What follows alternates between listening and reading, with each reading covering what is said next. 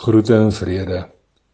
My naam is Haie Kronje en ek in die mooiste mooi woon, werk en kerk hier aan die Kalahari kant van die land. Romeine 8 se 26ste en 27ste versie. Dis nou in die boodskapvertaling bepaal. Intussen het God sy gees aan ons gegee om ons in ons swakhede te help. Ons grootste swakheid is dat ons nie aldag weet wat ons moet bid nie. Maar in sulke tye bid die Gees self vir ons. Hy vertaal al ons swaar kry in 'n hemelse taal. Hy gaan sug en kla namens ons daar by God. En omdat God die Heilige Gees deur en deur ken, weet hy presies hoekom sy Gees so ernstig vir ons bid. En God weet ook dat die Gees altyd volgens sy wil vir al die gelowiges bid. Vandag se storie se naam as bid 'n sukkelsaak is. Net soos met my en die mooiste mooise vorige besoeke hier by Magiel en Engeltjie, strek die grondpad lank en reguit voor ons uit.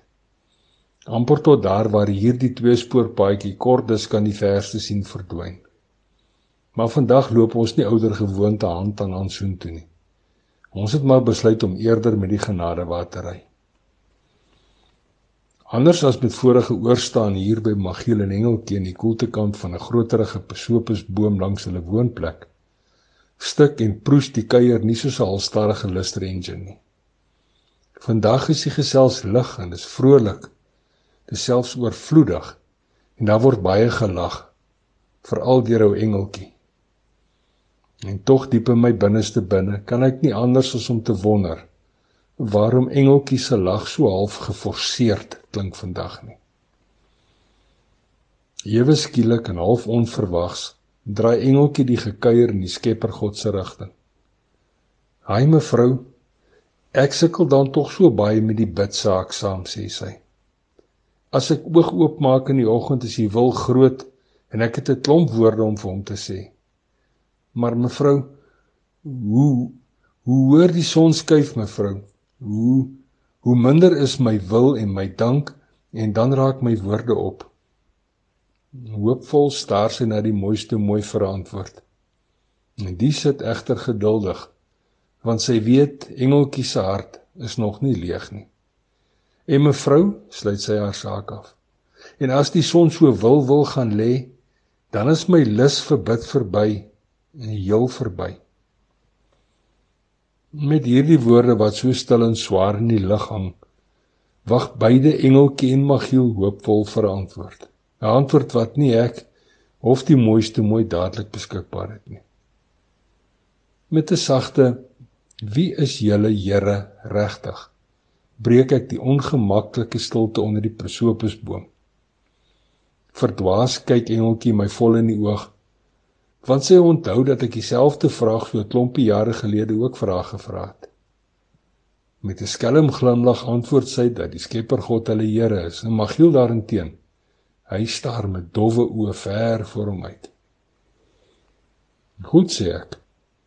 Maar vertel so 'n bietjie wie die Here vir jou is. Moenie vir my sê wat die Bybel beduie nie. Sê vir my wie die Here vir jou is met haar groot bruinswart oë wat spoortjies op die grond soek, word my versoek oordink.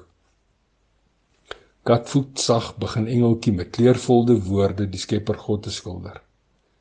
Woorde vol respek en agting, eerbied en 'n heilige ontzag vir sy grootsheid. Mooi woorde. Diep woorde, kerkwoorde, hartswoorde en veral woorde wat beïndruk. Engeltjie se antwoord hang soos 'n amper oorverdowende heilige stilte rondom ons. En in daardie kosbare stilte oordink ek weer wat sy gesê het. En so begin ek wonder. Ek wonder hoe dit moontlik is om die Skepper God met sulke bewonderingswaardige woorde te beskryf terwyl gesels met hom 'n sukkelsaak is. En dan tref dit my. Die wortels van engeltjie se sukkelsaak en so ook van vele ander mense goed groei iewers tussen die ore. Dit is waar sy hom toelaat, tussen die ore en nie in die binneste binne nie. Die beeld wat engeltjie het van wie en wat die Here is, is oor die jare heen gevestig en gevorm deur diep gewortelde persepsies. daarmee saam is daar ook vasgelegde sieninge, geuite sê dinge en 'n slaafse navolging van ou gebruike en oorleweringe. God as Vader het toegelaat dat sy kerelkind aan die kruis sterf sodat hy 'n styf teen mekaar staan liefdesverhouding met elke mens op hierdie aarde kan hê. 'n Liefdesverhouding wat met die hulp van die Heilige Gees in elkeen van ons se binneste binnes of soos wat die voorwêreld mense goed sal sê, ons harte sal leef. En daarom kon Paulus vir die Romeine beduie dat die Heilige Gees ons sal help bid wanneer hy al ons swaar kry in 'n hemelse taal vertaal en namens ons by God die Vader gaan sug en gaan kla. En bid is en was en sal altyd 'n saak van die hart wees en nooit 'n saak van die kop waar hy dis nou die Here bedink, beskryf en beredeneer kan word nie. Daarom sal bid altyd 'n sukkelsaak bly vir diegene soos engeltjie en so ook vele ander mense goed wat ons Vader slegs tussen die ore wil dien. Nou ja toe. Tot 'n volgende keer. Los mooi spore en sandkorrel by seëninge.